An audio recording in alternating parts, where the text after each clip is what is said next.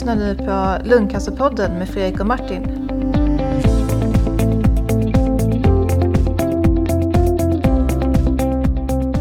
Hej och välkomna till Lungcancerpodden. Det här är Fredrik och jag sitter här med Martin. Tjena Martin! Halloj!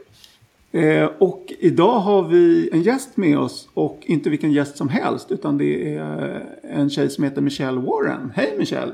Hej där! Eh, vad roligt att du eh, vill vara med oss i Lungcancerpodden. Ja, det är klart. Vore roligt att höra eh, lite först om din bakgrund Michelle och var du kommer ifrån, var du, var du är, var, vem är du helt enkelt? Vem är jag? Ja, Michelle heter jag. Jag bor i Stockholm idag med mina två tonårsbarn eh, i Nacka. Eh, jag är, som sagt, jag har varit vegetarian i princip i hela mitt liv. Eh, I mer än dryga halva mitt liv. Eh, jag har alltid tränat väldigt fysiskt. Eh, och hållit mig alltså med både bra mat och bra levnadssätt. Eh, och ändå har jag då drabbats. Eh, vad, hur gammal, får man fråga en, en kvinna hur gammal hon är? det får man. Jag är, 40, jag är 49 år idag. Jag fyller 50 om ungefär två månader. Så det, det, det blir, det blir ett roligt att fira för att man firar ju varje år som går i princip nu. Verkligen, verkligen. Eh, och vad, vad, vad, vad hände och när var det som hände? Vad, vad är det som har hänt?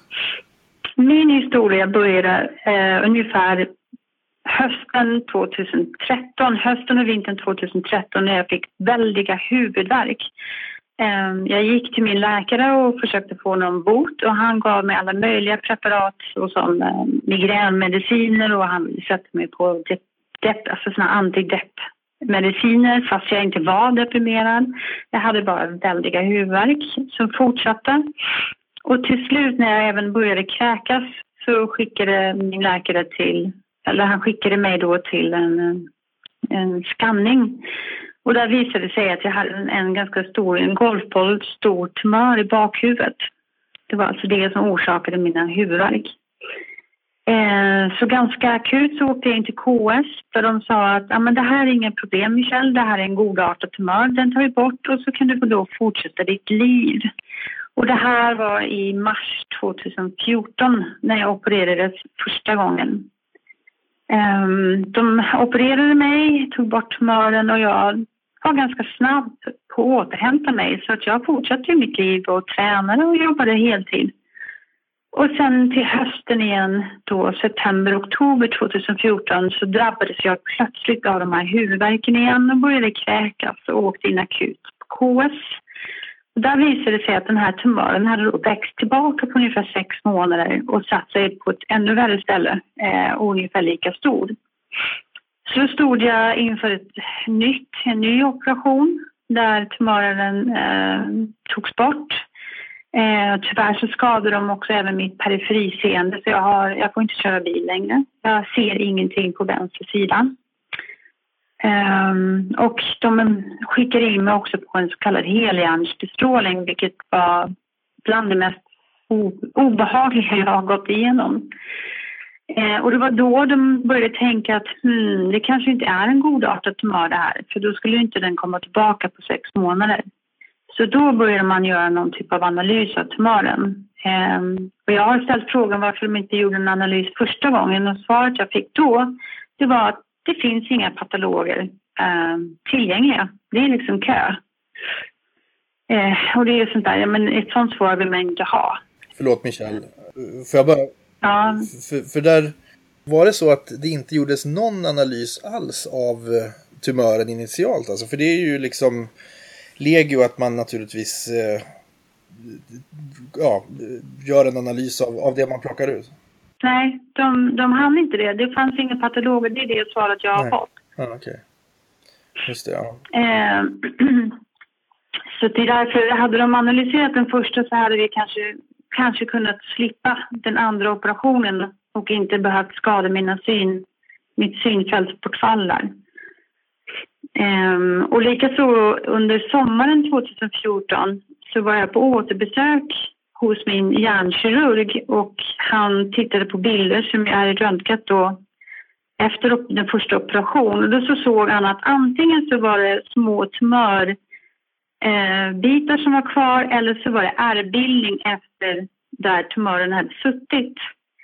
Och då kan jag tycka, om man misstänker att det är små tumörbildningar så borde man ju ha följt upp mig väldigt omgående men ändå lät man mig gå i sju månader tills den kom tillbaka akut. Ja, och då insåg man att det inte var en tumör utan det var ju metastaser. Eh, och vid det tillfället så gjorde de en hel skanning av min kropp. De letade överallt, i brösten, i, i äggstockar för att hitta modertumören och tyvärr så hittade man ju den då i lungan, i högerlungan. Eh, och den har också då spridit sig i vänster. Mm. Så att november 2014 fick jag min korrekta diagnos, vilket var då spridd lungcancer i stadie 4, vilket innebär att man inte kan bota den. Och det här beskedet för mig var helt overkligt. Jag har ju aldrig rökt, jag har levt och varit hälsosam. Jag märker inte ens det på min... Jag är inte andfådd. Jag tränar, jag kan spinna, jag kan jogga. Det har inte varit några problem alls. Så det var helt obegriplig diagnos. Och i vilket läge fick du diagnosen då? Var det som eh, på ett återbesök eller var du inneliggande eller? Nej, jag var ju, alltså jag hade ju gått igenom de här två operationerna och strålningen. Mm. Så att jag var inte inlagd på sjukhus, utan de fick ju kalla mig Nej. när de hade gjort analysen.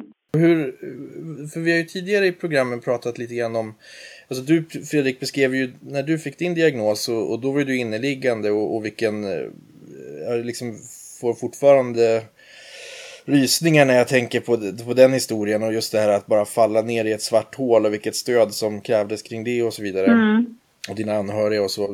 Um, och för dig det här att komma in på ett, ett återbesök, vad hade du för förväntningar på det? Visste du någonting om vad som var på gång att och, och ske så att säga? Eller? Nej, egentligen inte. Det enda jag vet att de eh, hade ju gått vidare och de, hade, de skulle göra någon analys äntligen då på de här tumörerna de har plockat ut. Eh, och jag, jag, jag vet inte vad jag tänkte egentligen. Jag tänkte bara att ja, man måste hitta orsaken men jag kunde aldrig föreställa mig att det skulle vara lungcancer. Och jag kunde aldrig föreställa mig heller att det skulle vara obotligt för det är ju det, är ett fruktansvärt besked man att få. Jag har ju då två tonårsbarn som jag har ensam vårdnad för. Och bara inför dem, att behöva tala om att, att deras mamma kanske inte kommer finnas här i alla år. Det, det är ett sånt där fruktansvärt beslut och besked att berätta för barn oavsett ålder. Ja. Och när jag, när jag frågade min läkare också så frågade jag vad innebär min diagnos? Har, kommer jag leva sex månader eller i 50 år eller vad innebär det? Så fick jag bara till svar att det vet man inte.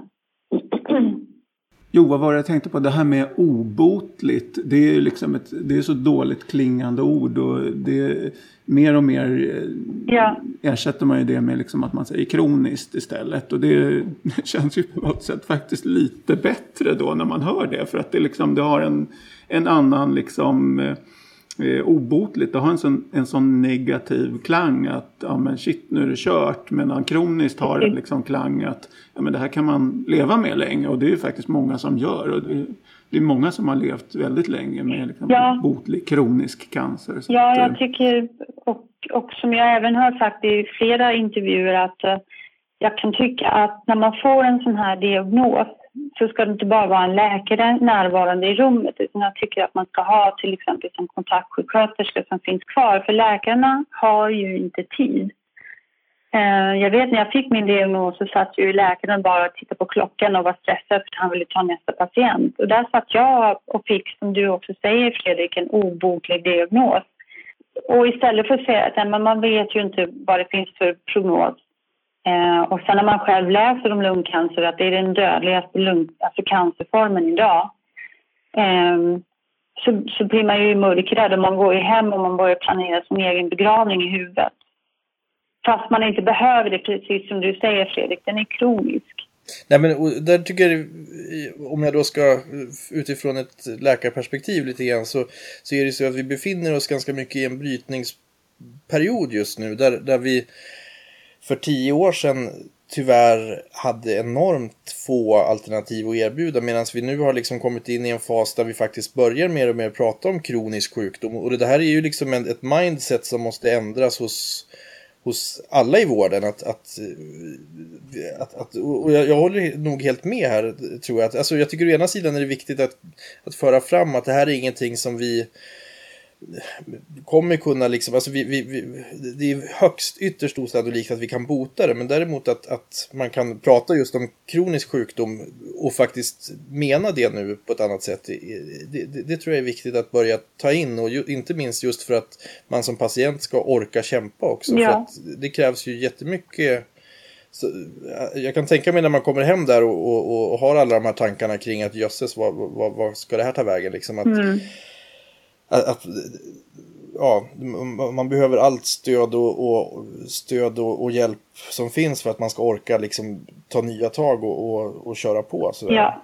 Jag menar, kronisk sjukdom är egentligen inget problem. Titta på till exempel diabetes. Om cancerpatienter kan bli liksom, ja, få liksom någon form av eh, sån behandling. Eller jag menar som hiv eh, ja. patienter. Att, att eh, det är också kroniskt liksom och en sjukdom man kan leva med idag. Så att, eh, även om vi kan komma dit eller liksom närma oss det så då är det ju fantastiskt. Då är det inget problem att ha en kronisk sjukdom utan då är det ju bara så helt enkelt.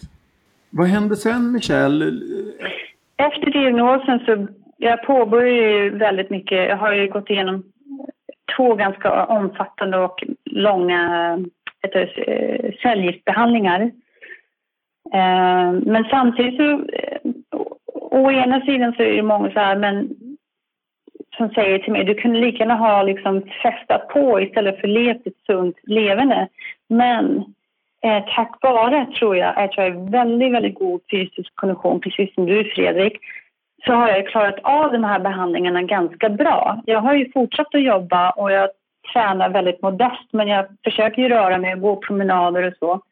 Eh, men framför allt jag försöker leva ett ganska så vanligt liv och det är också för att mina barn ska liksom se mig uh, i en vanlig roll. Jag vill inte att de ska växa upp och ha levt med en väldigt sjuk mamma.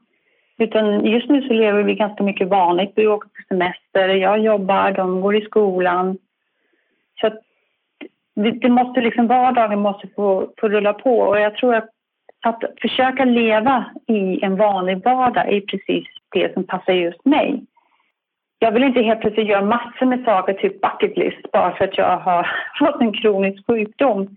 Utan jag vill ju liksom fortsätta leva det jag gör. Alltså att jag jobbar, jag åker hem, jag står och diskar precis som alla andra. Det är inte så att världen bara vänds upp och ner och så är det partaj 24-7 utan livet för mig måste gå på som vanligt. Ja, men, och det, där kan man ju säga som en input att just det här med att, att ha en, en god fysisk hälsa i grund och botten är ju naturligtvis en enorm tillgång ja. när man sätter igång med de här med de olika behandlingarna. Dels alltså kirurgi som du har genomgått är ju i sig en, en menar, det krävs en, en, eh, rehabilitering efteråt och sådär. Och ju snabbare man kan komma upp på fötter och komma hem och, och börja leva ett normalt liv så att säga, ju, ju snabbare återhämtar man sig. Ja. Och sen också just med, med, med cellgift eller cytostatikabehandling så är ju det också det, många som jämför det med liksom att springa långlopp och sådär. Alltså att det bryter ner mycket och otroligt krävande för, för, eh, för kroppen. För, för organismen, för kroppen. Ja.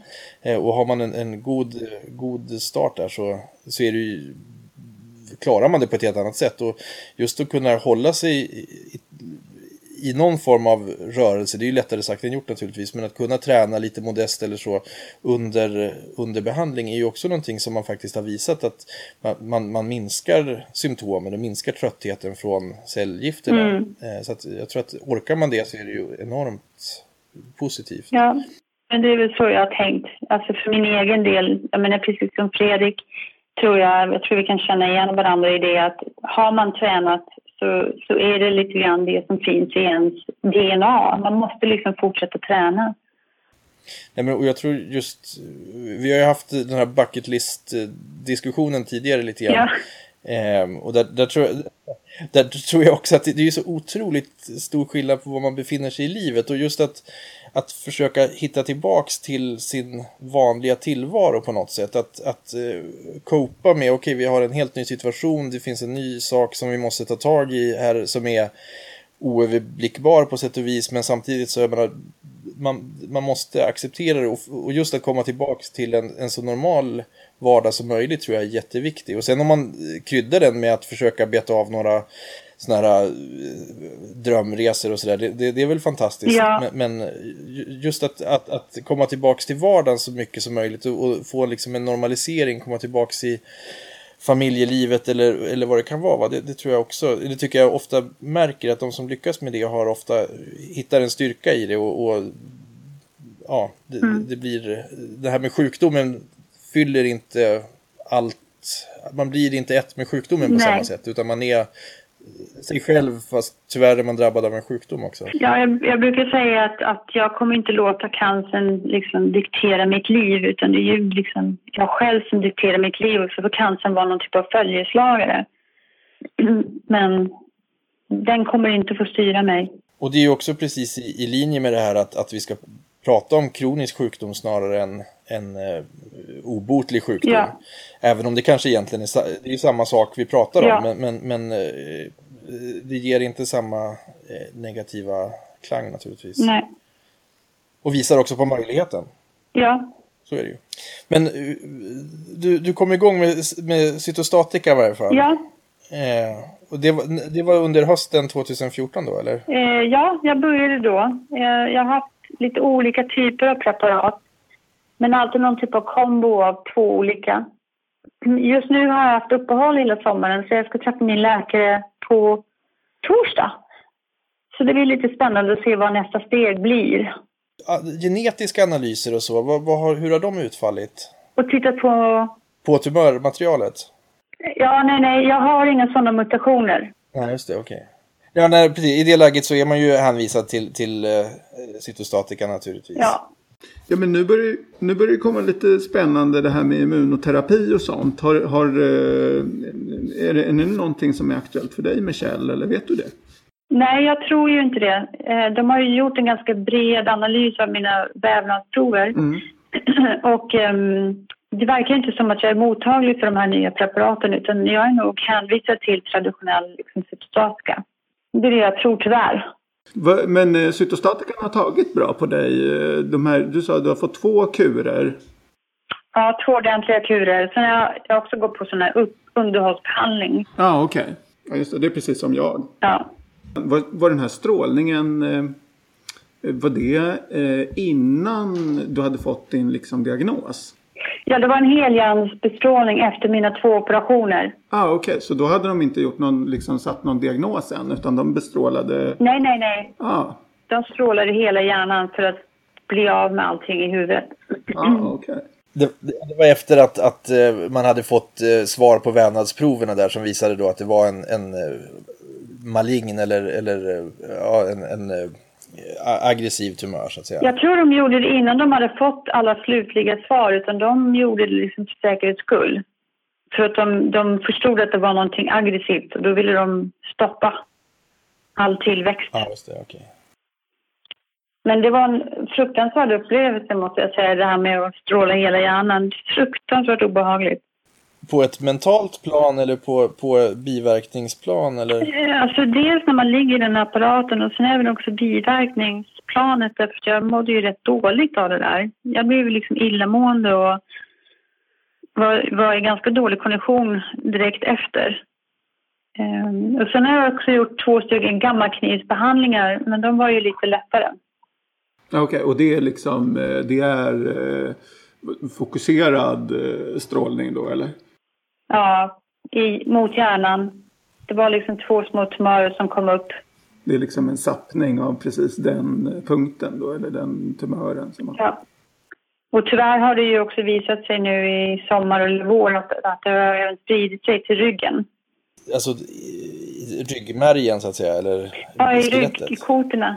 Och har det lett till uh, symptom hos dig eller?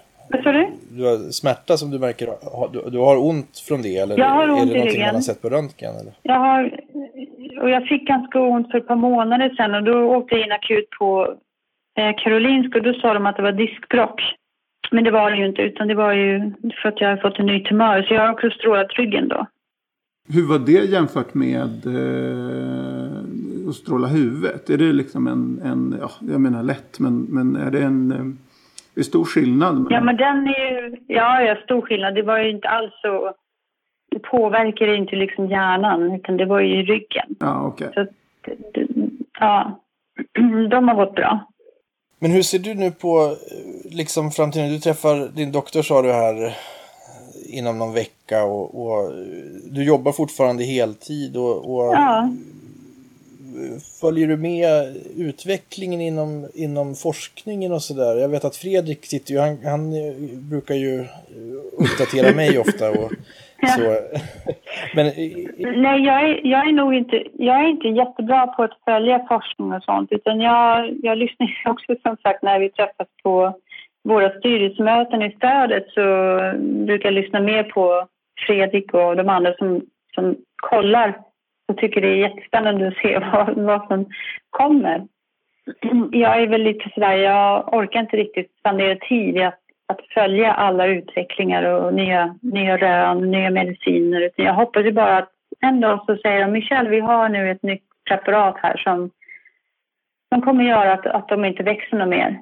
Nej men och, som sagt, jag, jag förstår ju, det, det måste ju, det, det är ju oerhörd frustration naturligtvis när man ser att det, det vi upplever i, i, i, vi som arbetar som, från, från andra sidan så att säga, som läkare då, vi upplever ju att utvecklingen just nu är så oerhört snabb och att det, det kommer massor av nya preparat och det eh, kommer nya rön hela tiden. Men, men jag kan tänka mig när man sitter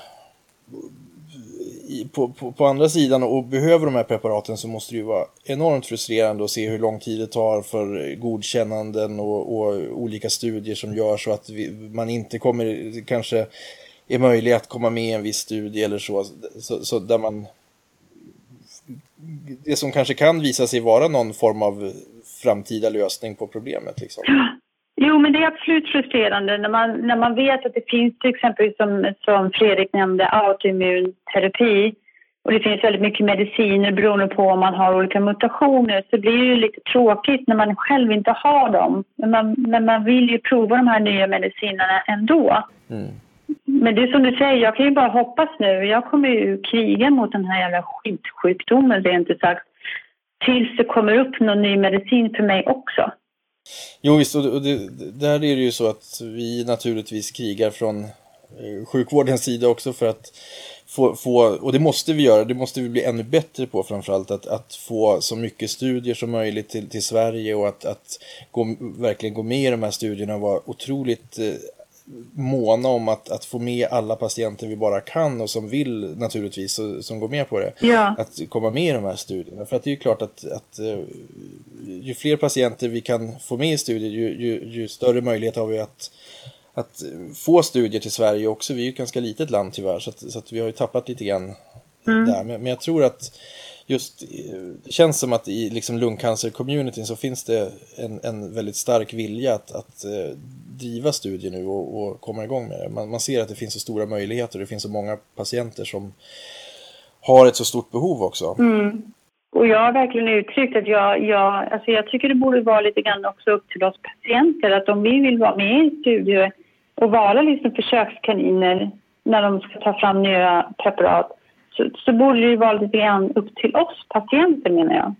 Ja, det, det, det är ju en jätte, ja, jätte administration kring det här och, och mm. det är ju naturligtvis så att man har utvecklat en massa säkerhetssystem och så vidare som ska, ska hindra att, att man utsätts för, för eh, försök som kan vara farliga och sådär. Och, och sen kan man ju då ibland tycka att, att det här kanske ibland drabbar vissa som, som, eh, som, som, kanske faktiskt skulle ha väldigt, ha, har en naturlig orsak att, att verkligen vilja komma med i studier och kanske har en större inslag av gambling liksom. Ja. Eh, men det där är ju oerhört komplext och, och Eh, där, där är vi otroligt styrda och det, det är ju på mycket på väldigt bra så att säga. Men, men sen så förstår jag att den här desperationen gör att man kan känna sig att varför kan jag inte bara få prova det här? Vad har jag att förlora liksom? Ja, det är ju det man vill. Nej, men där är ju, är ju vi väldigt reglerade inom sjukvården naturligtvis. Att vi, vi måste ju bedriva all vård inom, ja. inom uh, etiska och, och, och, medicinska rå, råmärken. Så där, så att, ja. Uh, men, men det är frustrerande även för oss. Alltså jag, jag, jag kan ibland känna en enorm frustration. För man, man, man är ju i den här kampen tillsammans. Jag menar, när man sitter med en patient så, så slåss man ju i, i, lag mot den här som du säger jävla sjukdomen. Liksom. Ja. Fan vad, vad man vill att man ska lyckas. Mm. I dagsläget, Michel, du har eh, efter eller efter det här, eller under tiden av det här, du har engagerat dig i bland annat Lungcancerförbundet Stödet. Ja. Eh, och är med, med dig. Ja. Och är med i styrelsen där. Ja. Eh, och du är ute och pratar en hel del. Man ser dig lite titt som tätt i media tycker jag och i TV4-soffor och allt vad det är. Ja, och, och framförallt så vill, alltså det jag försöker förmedla och, och varför jag är ute i media är att jag hoppas att jag kanske kan förmedla till andra som blir drabbade, antingen själva eller att deras släktingar eller vänner blir drabbade, att det går att leva med den här sjukdomen eh, ganska bra. Eh, och det är väl en bild jag försöker visa upp att bara för att man har drabbats av en ganska svår sjukdom oavsett vad det är, om det är hjärtfel eller cancer eller någonting annat, att det går att kriga. Det är väl lite grann det jag försöker förmedla. Det tror jag är en stor inspiration för många. Eh, att, du, att du är det. Finns det någon liksom... Eh, jag har frågat mig själv det här. Finns det någon uppsida med att få en sån här diagnos? Liksom, uppskattar man sina nära och kära mer? Uppskattar man livet mer? Har du tänkt i sådana banor? Alltså jag har ju funderat på det. Är jag en bättre människa nu? Eh, för att jag har fått någon typ av livsinsikt, för att, för att mitt liv är ändligt. Och jag kan inte säga liksom det att åh, jag är en jättemycket bättre människa nu för att det här har drabbat mig. Uh, jag tror att uh, eh, allt jag gör måste jag göra utifrån att jag mår bra. Det, det är väl liksom det första. Jag går inte in i situationer oavsett vad det är om inte jag mår bra. Så jag skulle inte jobba exempelvis heltid om jag inte mådde bra av det. Ehm, så det är väl, det är väl kanske den största insikten att jag sätter mig själv i första rummet. Jag är lite mer egoistisk nu, att jag måste må bra av det jag gör. Och jag gör ingenting för andra personer. Okej, okay, oh, mina barn. Jag curlar sönder mina tonårsbarn. Men du gör ju det här till exempel. Alltså jag menar, just det här som du säger att du delar med dig av dina erfarenheter och, och att, du, att du inspirerar andra människor i, i svåra situationer. Det är ju en fantastisk eh, altruistisk handling tycker jag. Som, som för jag menar, förhoppningsvis får det dig att må bra också. Att det är ja. kanske det som ligger i botten. Att du känner att... Men samtidigt så... Jag upplever ju det som att, att du eh, gör en enorm insats just genom att att du inte bara att du inte liksom fokuserar bara kring ditt eget mående och, och att du ska liksom kicka loss det här liksom ja, saker att göra nu här liksom, utan att du tar situationen och, och, och gör någonting st större av det. Någonting som förhoppningsvis också då får dig att må bättre i det. Men, men det låter väl som någon form av livsinsikt eh, så, som är viktig. Sen så kanske du hade gjort det på något sätt i vilket fall som helst. Va? Det är inte sjukdomen man ska tacka för det utan, utan det, det är liksom en bieffekt snarare eller så.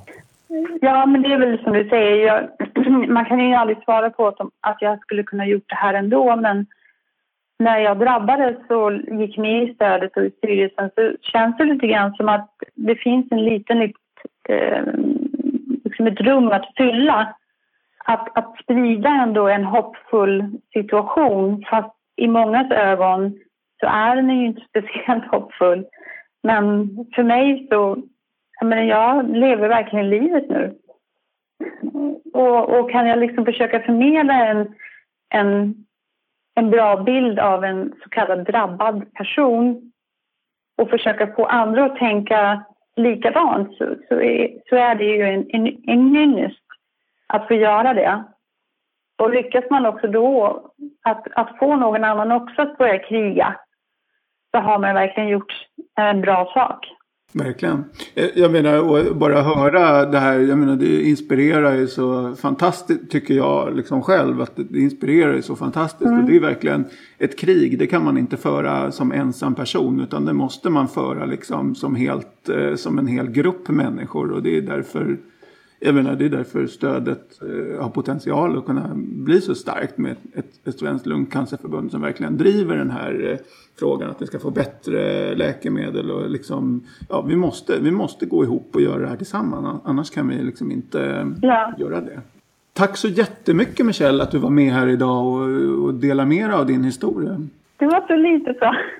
ja, fantastiskt. Tack så hemskt mycket. Tack, hej. Tack för att du lyssnade på Lungcancerpodden med Fredrik och Martin. De senaste avsnitten hittar du alltid på lungcancerpodden.se eller i din podcastapp.